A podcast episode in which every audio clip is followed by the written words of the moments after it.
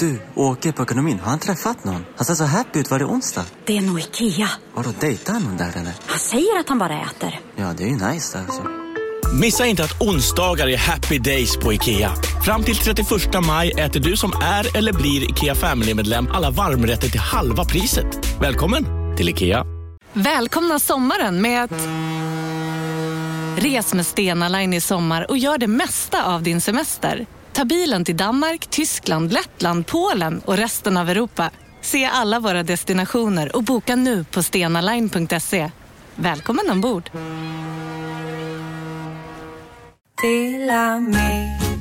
Hej! Är du en av dem som tycker om att dela saker med andra? Då kommer dina öron att gilla det här. Hos Telenor kan man dela mobilabonnemang. Ju fler ni är, desto billigare blir det. Skaffa Telenor familj med upp till sju extra användare. Välkommen till någon av Telenors butiker eller telenor.se.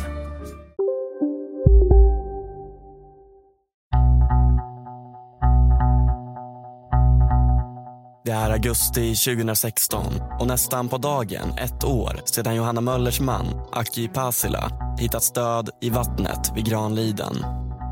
Jag tänkte det var nog ingen vanlig drunkning. Till följd av den så kallade sexskandalen håller Pangelius familjehemsvård på att gå under och delägaren Jeanette har insett att Johanna inte är någon person hon vill samarbeta med. I samband med det så gick jag in och läste tidningarna och såg att de här pojkarna hade blivit misshandlade. Blir du rädd då? Johannas pengar är nästan slut och den här gången finns ingen hjälp att hämta från föräldrarna. Hon skulle bli utslängd från lägenheten. Granliden skulle säljas. Hon fick inga försäkringspengar. Hon hade inga pengar. Det här är en mörk historia om Arboga kvinnan med mig, Karl Fridsjö. Del 3. Håll käften och kör bara.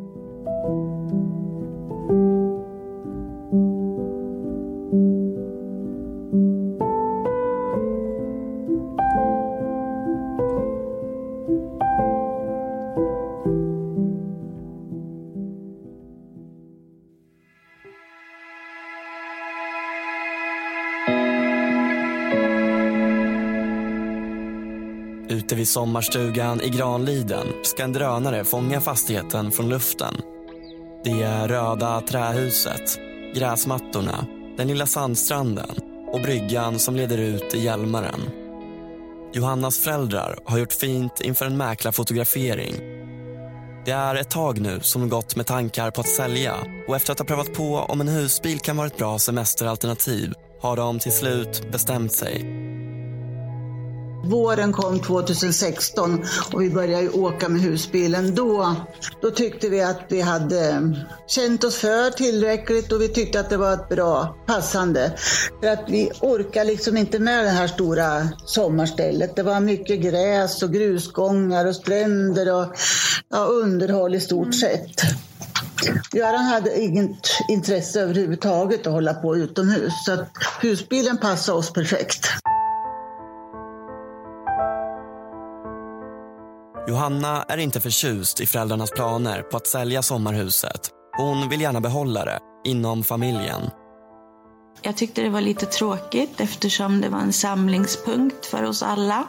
Jag sa ett tillfälle att jag kanske kunde köpa det för att så vi kunde behålla liksom gemenskapen.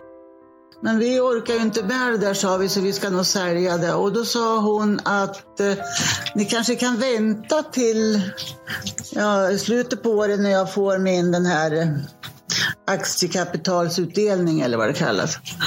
Ja, då sa jag åt henne, du förstår att det här kan vi ju inte låta dig köpa till en billig peng. Vi har ju två barn, så det blir ju marknadspris Så det kanske blir fem miljoner. Ja, men det var hon införstådd med. Men vi diskuterade det där Göran och jag och sen nej, vi kör nu. När föräldrarna beslutat sig för att sälja Granliden börjar de också göra andra planer för framtiden. Vi hade ju pratat om att vi skulle skriva testamente på våren och eh, det skulle vi göra efter semestern då för att nu tyckte Göran, det var han som sa, nu har hon fått tillräckligt. Så nu ska vi skriva testamente här så att det blir ordning på de här papperna. Ja, det tyckte väl jag med då.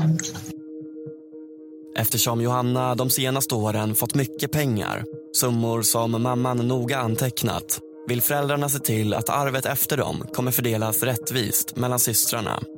Den ekonomiska hjälp som Johanna fått var enligt mamman helt enkelt ett förskott på arvet. Hur skulle det skrivas i förhållande till Johanna? Skulle hon påverkas av? Ja, hon skulle inte ha mycket. Hon hade fått tillräckligt tyckte Göran. Var det här någonting som ni sa till henne? Det vet jag inte om han sa. Du har inte sagt någonting, eller du har inte pratat med Johanna om det? Nej, jag tror inte det. Det vet jag inte säkert. Det blev väl en sån besvikelse för honom det här med lägenheten och att hon skulle köpa lägenheten när hon fick pengarna från gatan och ingenting stämde vad hon sa. I samband med diskussionerna om testamente och arv kommer föräldrarna oundvikligen in på vad de vill ska hända med dem efter deras död. Det var lite lustigt det där för att eh, det var precis som att han hade någon föraning om att vårt liv skulle förändras på något sätt. För vi diskuterade också det här med när vi dog, hur vi ville ha vårat, hur det skulle bli. Och jag presenterade mitt förslag hur jag vill ha det och jag har ju aldrig velat haft någon gravplats eller något. Och han vill ha precis samma som mig. Föräldrarnas död blir ett diskussionsämne även hemma hos Johanna under sommaren.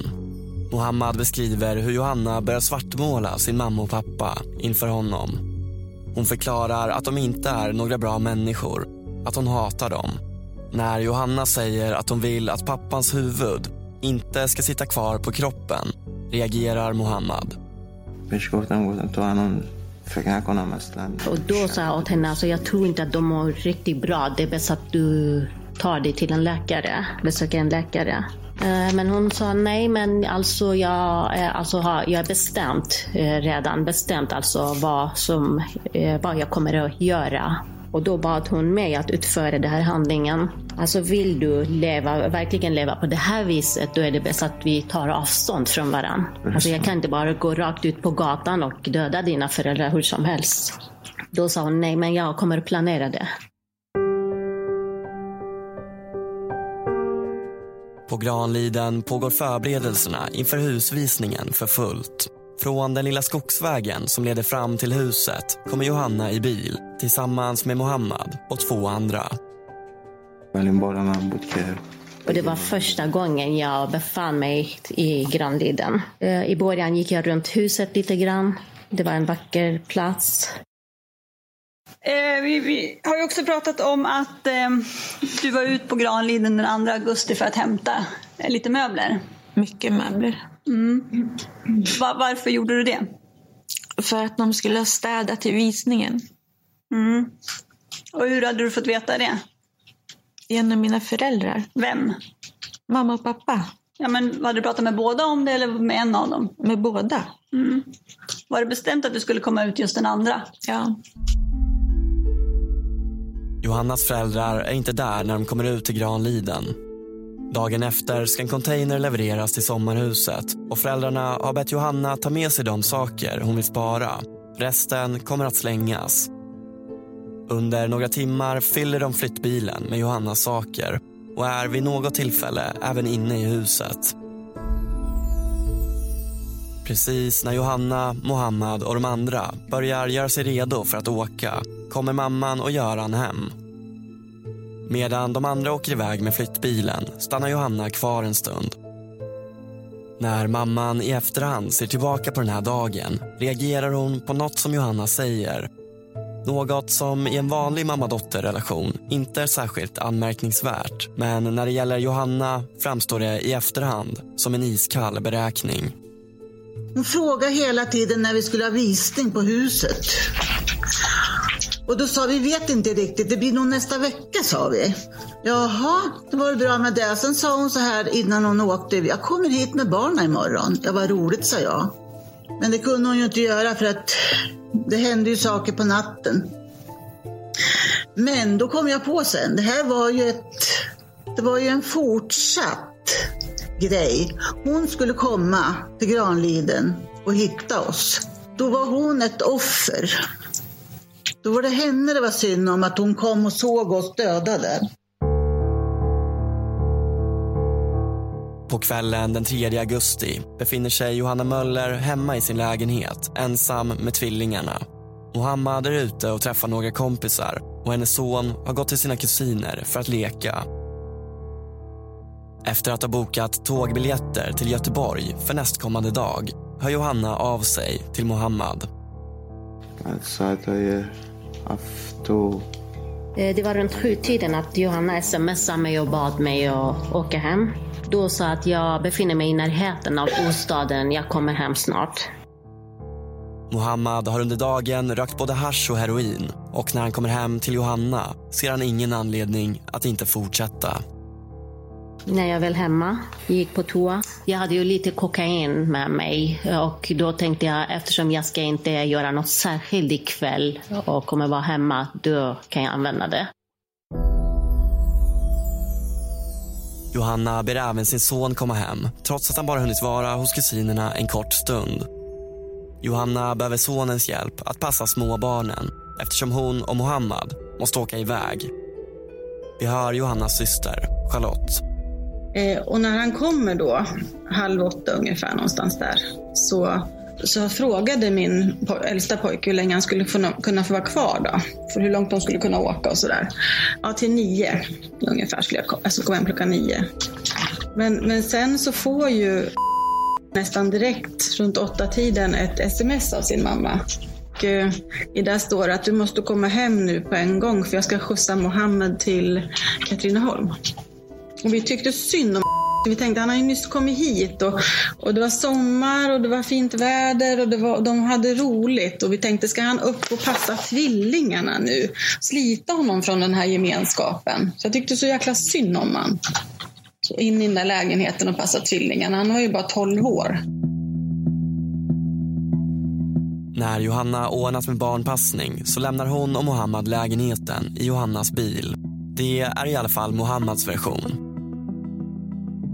Johanna däremot kommer hela tiden neka till att hon följer med Mohammad ut den här kvällen. Klockan hinner bli för mycket och hon orkar inte åka till Katrineholm som planerat. Från början hade vi bestämt att jag skulle skjutsa Mohammed till Katrineholm. Eh, så jag hade sagt till om han kunde passa barnen när jag gjorde det. Så de slapp följa med. Men sen kom inte Mohammed hem förrän klockan sju och då tyckte jag det var för sent att åka till Katrineholm fram och tillbaka. De enda som vet om och när Johanna lämnar lägenheten den kvällen, förutom Johanna själv, är Mohammad och hennes minderårige son. Och sonen ska senare försättas i en svår situation när han i polisförhör tvingas vittna mot sin egen mamma. Mohammads minnesbilder är tydliga. Han beskriver hur han och Johanna tillsammans lämnar lägenheten strax efter att sonen kommit hem. Tio minuter efter att var hemma gick vi hemifrån. Eh, Åkte i hennes bil mot eh, företaget. Bytte bil där. De ska inte åka länge i Johannas bil. Innan de lämnar Eskilstuna stannar de till vid Pangelius kontor och byter till en av företagets tjänstebilar, en rostbrun Volkswagen Touran, för att sedan fortsätta bilturen. Körde mot Katrineholm. Eh, på motorvä- motorvägen mot, alltså mellan Eskilstuna och Arboga frågar Johanna igen och upprepar eh, det hon sa förut. Att ifall du kan eh, döda mina föräldrar i natt. Då blev jag arg på henne och sa, har du börjat igen snacka skit, eller? Då ställde hon frågan ifall kommer du utföra det eller inte. Eh, Då blev jag arg och sa, men du är- kör ju redan ditåt. Varför ställer du frågan åt mig då? Eh, frågan till mig då. Eh, Hon körde mot eh, Ute i sommarstugan vid Granliden sitter föräldrarna framför tvn och kvällen börjar lida mot sitt slut. Satt där och såg på tv och jag satt och drack lite vin och han drack väl öl till maten och sen tog han en whisky. Föräldrarna har sina rutiner och den här kvällen är inget undantag. Efter att ha avslutat middagen sitter de tillsammans och tittar på tv och vid halv tio börjar mamman, som är kvällstrött, att lockas av sängen. Sen blev klockan sovdags för mig. Då gick jag upp och det är som jag brukar göra, går in på toaletten och gör kvällsordningar och tar av mig kläderna. Och jag sover alltid naken så att jag gick och la mig. Jag drog ner rullgardin och kröp ner och la mig på min vänstra sida som jag alltid gör. Medan mamman gör sig redo att somna sitter Göran kvar i vardagsrummet. Han brukar dröja sig kvar framför tvn och titta på de sena nyheterna innan han går upp till frun och lägger sig, han också. Jag, somnar, jag brukar somna ganska omgående för jag är ganska kvällstrött och det gjorde jag säkert den här gången också. För jag hörde aldrig när Göran kom upp.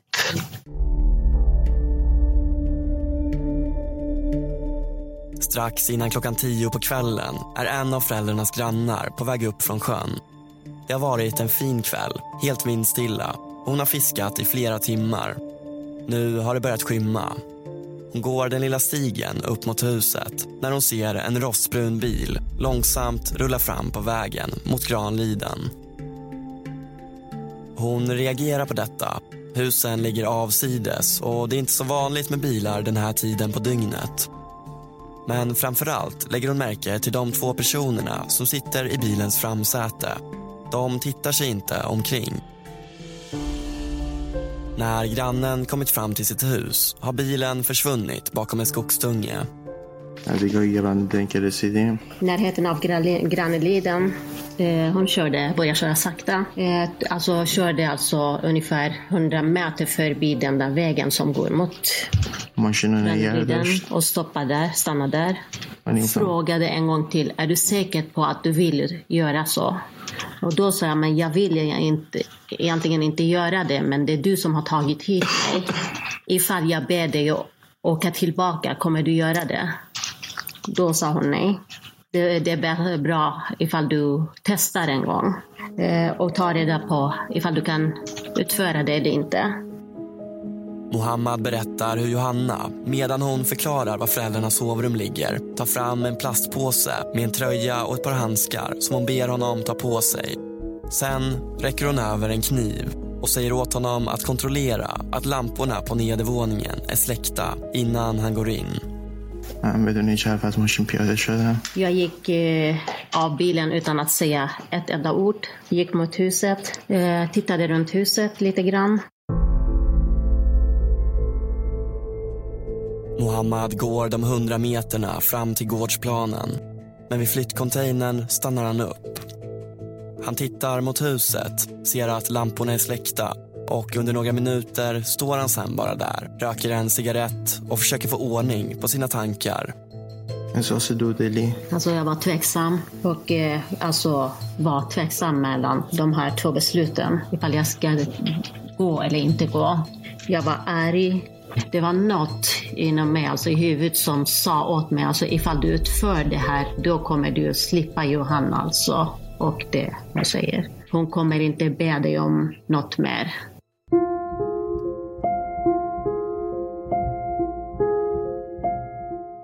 Mohammad fimpar cigaretten och börjar gå mot huset.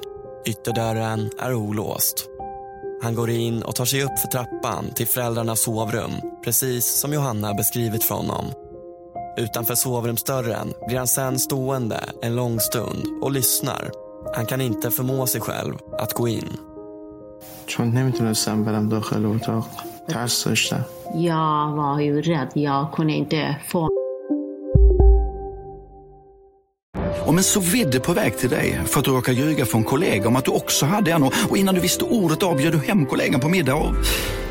Då finns det flera smarta sätt att beställa hem din sous på. Som till våra paketboxar till exempel. Hälsningar Postnord.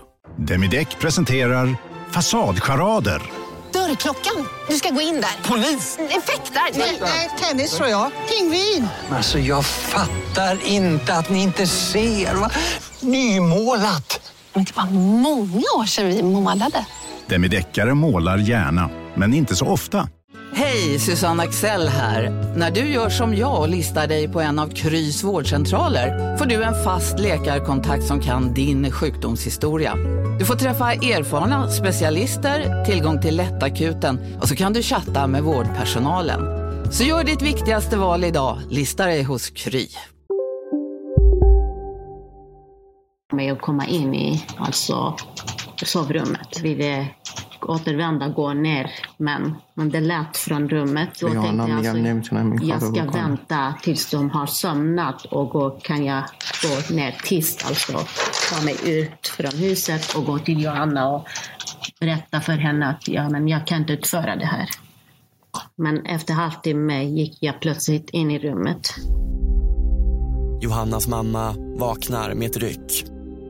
Och sen vaknade jag utav att det var någon som armbågade mig så här. Trodde jag. Jag är ganska snarkig så jag trodde att Göran skulle väcka mig och säga att nu får du vända på dig eller ja, sluta med det där eller... Så jag får ju upp då och ställde mig på knä. Och då ser jag någon sitta gränsle vid Göran för då ligger han inte som man ligger i en säng, utan han ligger längs med huvudgaveln. Med huvud mot min huvudkudde. Och där sitter det någon gränsle över honom ser jag. Och jag säger till honom, innan, innan, så fort jag reser på mig så frågar jag, Göran vad gör du för någonting? Och han svarar inte. Och sen fortsätter det och någon som är på mig hela tiden. Och jag håller upp armarna för huvudet. Och det slutade inte. Jag tänker nu har han blivit tokig i huvudet. Så vad håller han på med? Och sen är det väl någonting som händer med mig som gör att jag svimmar av. Medan Johannas mamma ligger avsvimmad i sängen springer Mohammad ut ur huset tillbaka mot bilen. Han beskriver hur han hittar Johanna halvsovande i förarsätet. موقعی که رسیدم سوار ماشین که شدم یوهانا ازم پرسید Eh, när jag är väl framme och sätter jag mig i bilen då frågar jag Johanna vad har hänt? Vad som har hänt? Hela kroppen var alltså blodig. Då sa jag, men du kan ju titta själv och då f- får du veta vad som har hänt.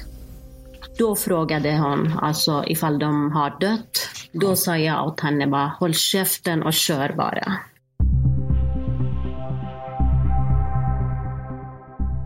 De åker mot Eskilstuna och Mohammad börjar ta av sig sina blodiga kläder i bilen. De stannar till vid en bro och kastar kniven i vattnet innan de fortsätter mot Pangelius kontor för att byta tillbaka till Johannas bil. به داخل کنتور که رفتم کلید ماشین رو بذارم När jag gick in i kontoret för att lämna, bilnycklarna, lämna ifrån mig bilnycklarna satt jag där i 20 minuter, halvtimme och tänkte på vad som har hänt egentligen.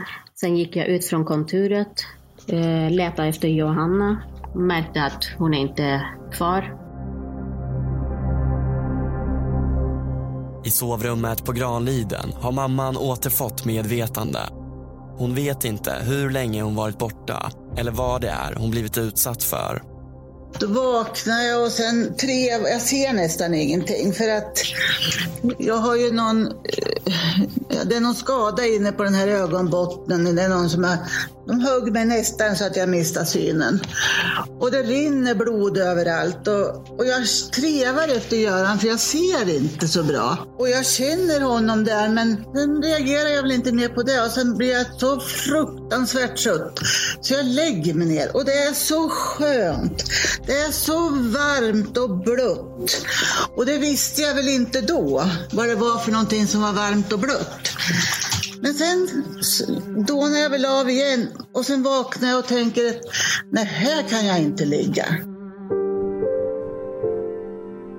Mamman beskriver hur hon samlar kraft och lyckas ta sig ut till badrummet. En av hennes tänder har lossnat. Den ligger lös i munnen. Hon tar ut den och lägger den på handfatet. När hon sen ser sin egen spegelbild förstår hon inte vem det är. Hon känner inte igen sig själv. Så går jag ner till vardagsrummet och, och sätter mig där och, och jag tänker väl att jag ringer till hon kanske kan hjälpa mig. Men precis när jag slagit hennes nummer då tänkte jag, nej vad kan hon göra? Hon kan ju inte göra något det här. Och sen ringer jag tydligen till Göran också men det har jag ingen minne av. Och sen tänker jag, nu måste jag ha hjälp. Så nu ringer jag 112 och har sån fantastisk tur så att de svarar direkt.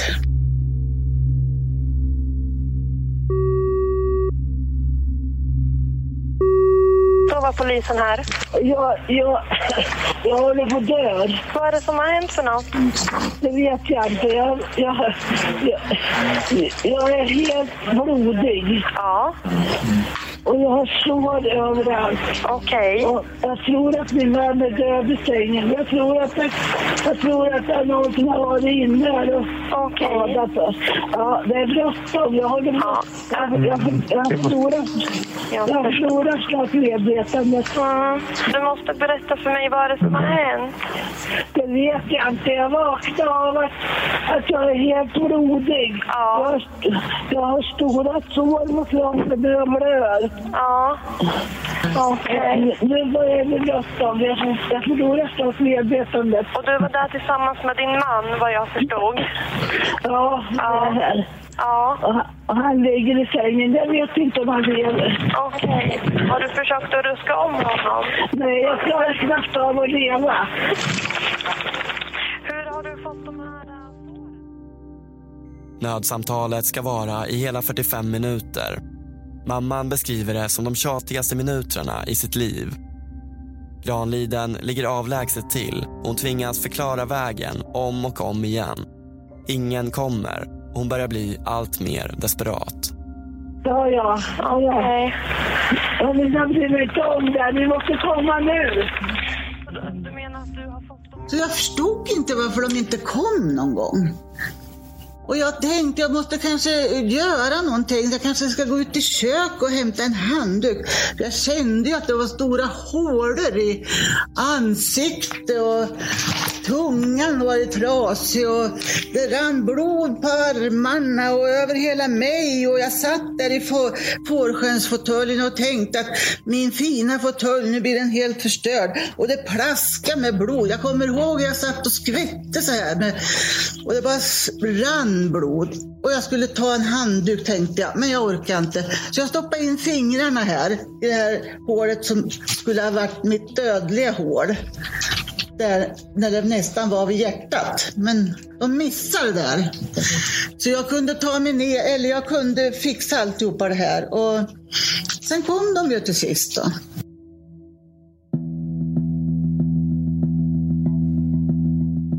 Till slut anländer polisen Fredrik och hans kollega Erik till sommarstugan. Det är mörkt, men i vardagsrummet lyser det. Fredrik tar sig fram till ett av fönstren och tittar in. Jag ser ingenting spontant när jag kikar in. Men sen tycker jag mig höra en röst inifrån det rummet som jag kikar in i. Och då flyttar jag mig så jag kan titta in i hörnen från fönstret sett. Och det är då jag ser den ja, fruktansvärda synen av en kvinna som är blodig. Från eh, håret är blodigt och tårna är blodig. Sitter ju helt naken i en fåtölj. Pratar mobiltelefon. Och är 100% nedblodad.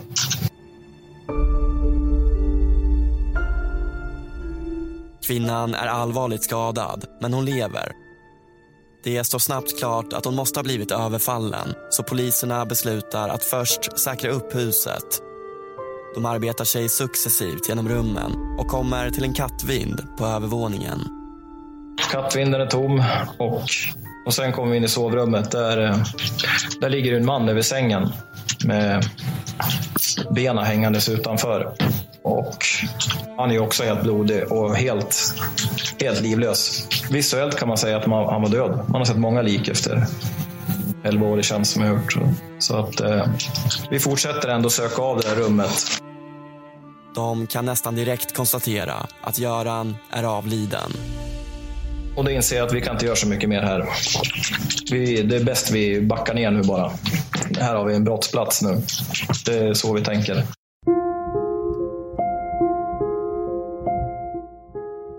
Kort därefter tillkallar kollegan Erik ambulansen. Ambulanspersonalen, som har stått och väntat vid en så kallad brytpunkt redo att springa in så fort huset är säkrat kan nu ta sig fram till den blodiga kvinnan. Karin, en av ambulanssjukvårdarna. Hon sitter mest bara tyst och, och tyst och lugn är hon. Och vi undersöker henne då. Johannas mammas kropp är full av sår i varierande storlek. De flesta har vid det här laget slutat blöda Men från ett sår i bröstet, som verkar mer kritiskt, sipprar blodet fortfarande. Där blödde det mest. Så där fick man sitta, sitta och trycka på liksom. Gjorde du det eller, eller hon det eller? Hon satt och gjorde det då. Själv alltså? På. Ja, jag har... Oh. Jag tror hon satt och höll sig för såret. Mm. Och sen så plockar vi fram grejer och lägger om då, för det är ju inte enda såret hon har. Nej. Men det var det som blödde mest. Okej. Mm. En bår körs fram till huset och mamman är tillräckligt stabil för att ta sig ut till den. Uh, och när hon sitter på båren då frågar hon, är han död? Är min man död? Ja, tyvärr det är han, svarar jag. Hon säger inget mer efter det. Alldeles lugn och tyst så.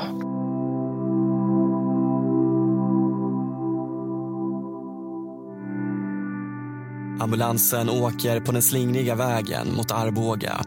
Johannas mammas kropp har tagit emot ett 20-tal knivhugg. Alla riktade mot ansikte och överkropp. Och hon har förlorat mycket blod. När hon får frågor om vad som kan ha hänt tänker hon direkt på sin dotter. Och sen när vi åkte så frågade jag, vet du någon som vill dig illa? Eh, om det är någon som ni är osams med eller... Sen sa hon det, nej. Eh, ja, jag har ju en fnurra på tråden med min dotter. Eh, jag gillar inte det hon gör. Hon, hon driver ett asylboende och jag tror att det kan vara någon utav dem, sa hon.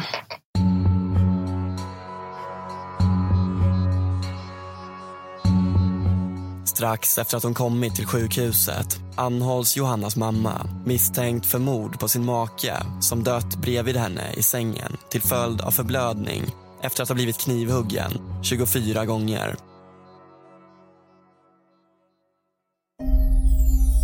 Efter att ha blivit lämnad av Johanna vid Pangelis kontor börjar Mohammad röra sig hem mot lägenheten. Innan han tar sig dit ska han klockan 00.10 fångas på en övervakningskamera när han med Johannas kontokort tar ut pengar från en bankomat i närheten.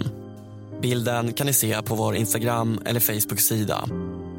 Några timmar senare knackar polisen på dörren och lämnar dödsbeskedet till Johanna. Enligt Johanna är det då hon för första gången, chockad, får höra vad som hänt. Mohammad ligger fortfarande och sover när polisen är inne i lägenheten. Men när han vaknar ska chocken bli ännu större. När Mohammed sen vaknar vid tio, halv tio då frågar jag Mohammed vad det är för fläckar på hans skor. Då säger han att det är blod. Att jag, jag dödade morfar.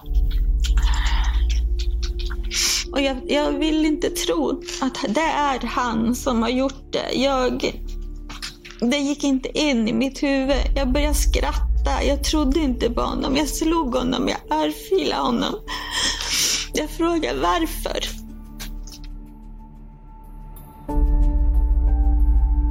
Enligt Mohammad är det något helt annat som Johanna reagerar på då när han vaknar morgonen efter mordet det faktum att hon bara fick ett dödsbesked.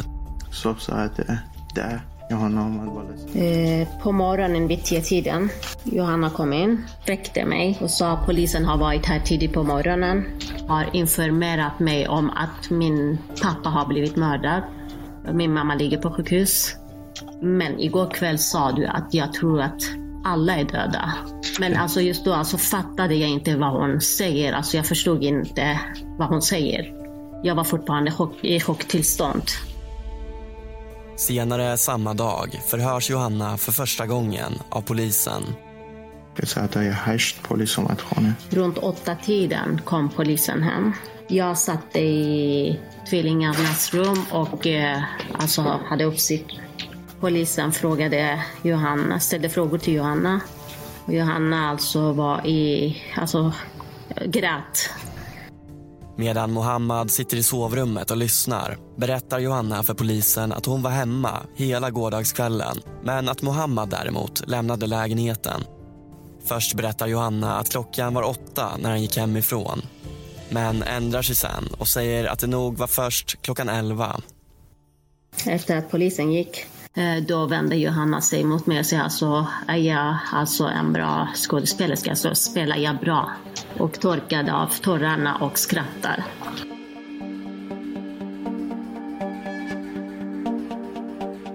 Det ska inte dröja länge innan polisens blickar börjar rikta sig mot Johanna och Mohammad.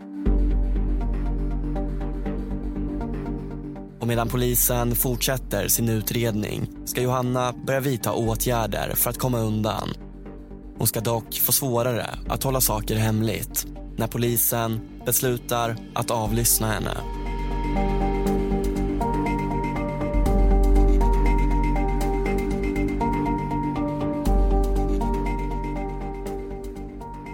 Du har lyssnat på den tredje delen av en mörk historia om Arboga kvinnan. I nästa avsnitt. Om det var jag som låg bakom min pappas död, då skulle jag stå rakryggad här och säga det. Och du har inte sagt till Mohammad att han ska bränna upp Toranen? Jag ville verkligen inte hamna i fängelse. Jag har aldrig i hela mitt liv bett någon hålla käften. Jag har aldrig använt ord som sippa eller värsta. Oh my god. Värsta kriminella liksom.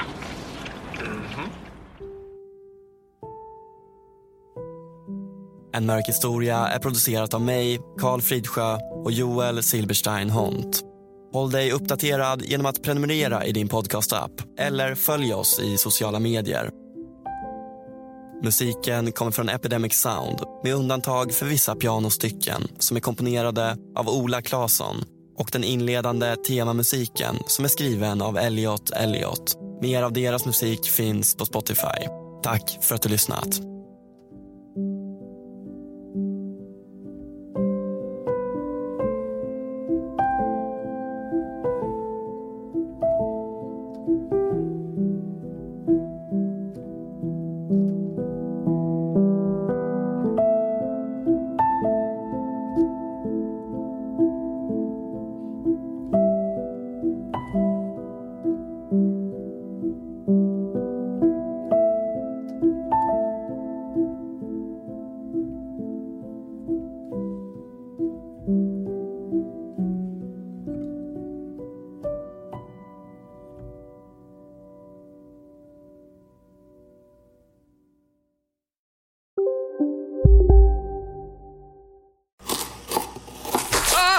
Dåliga vibrationer är att skära av sig tummen i köket.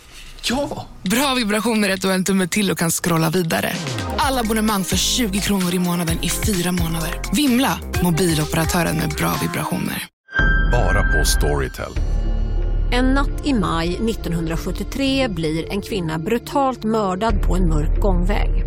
Lyssna på första delen i min nya ljudserie. Hennes sista steg av mig, Denise Rubberg. Inspirerad av verkliga händelser. Bara på Storytel. Det där var för att uppmärksamma er på att McDonalds nu ger fina deals i sin app till alla som slänger sin takeaway förpackning på rätt ställe. Även om skräpet kommer från andra snabbmatsrestauranger som exempelvis Ma... Eller till exempel Burger...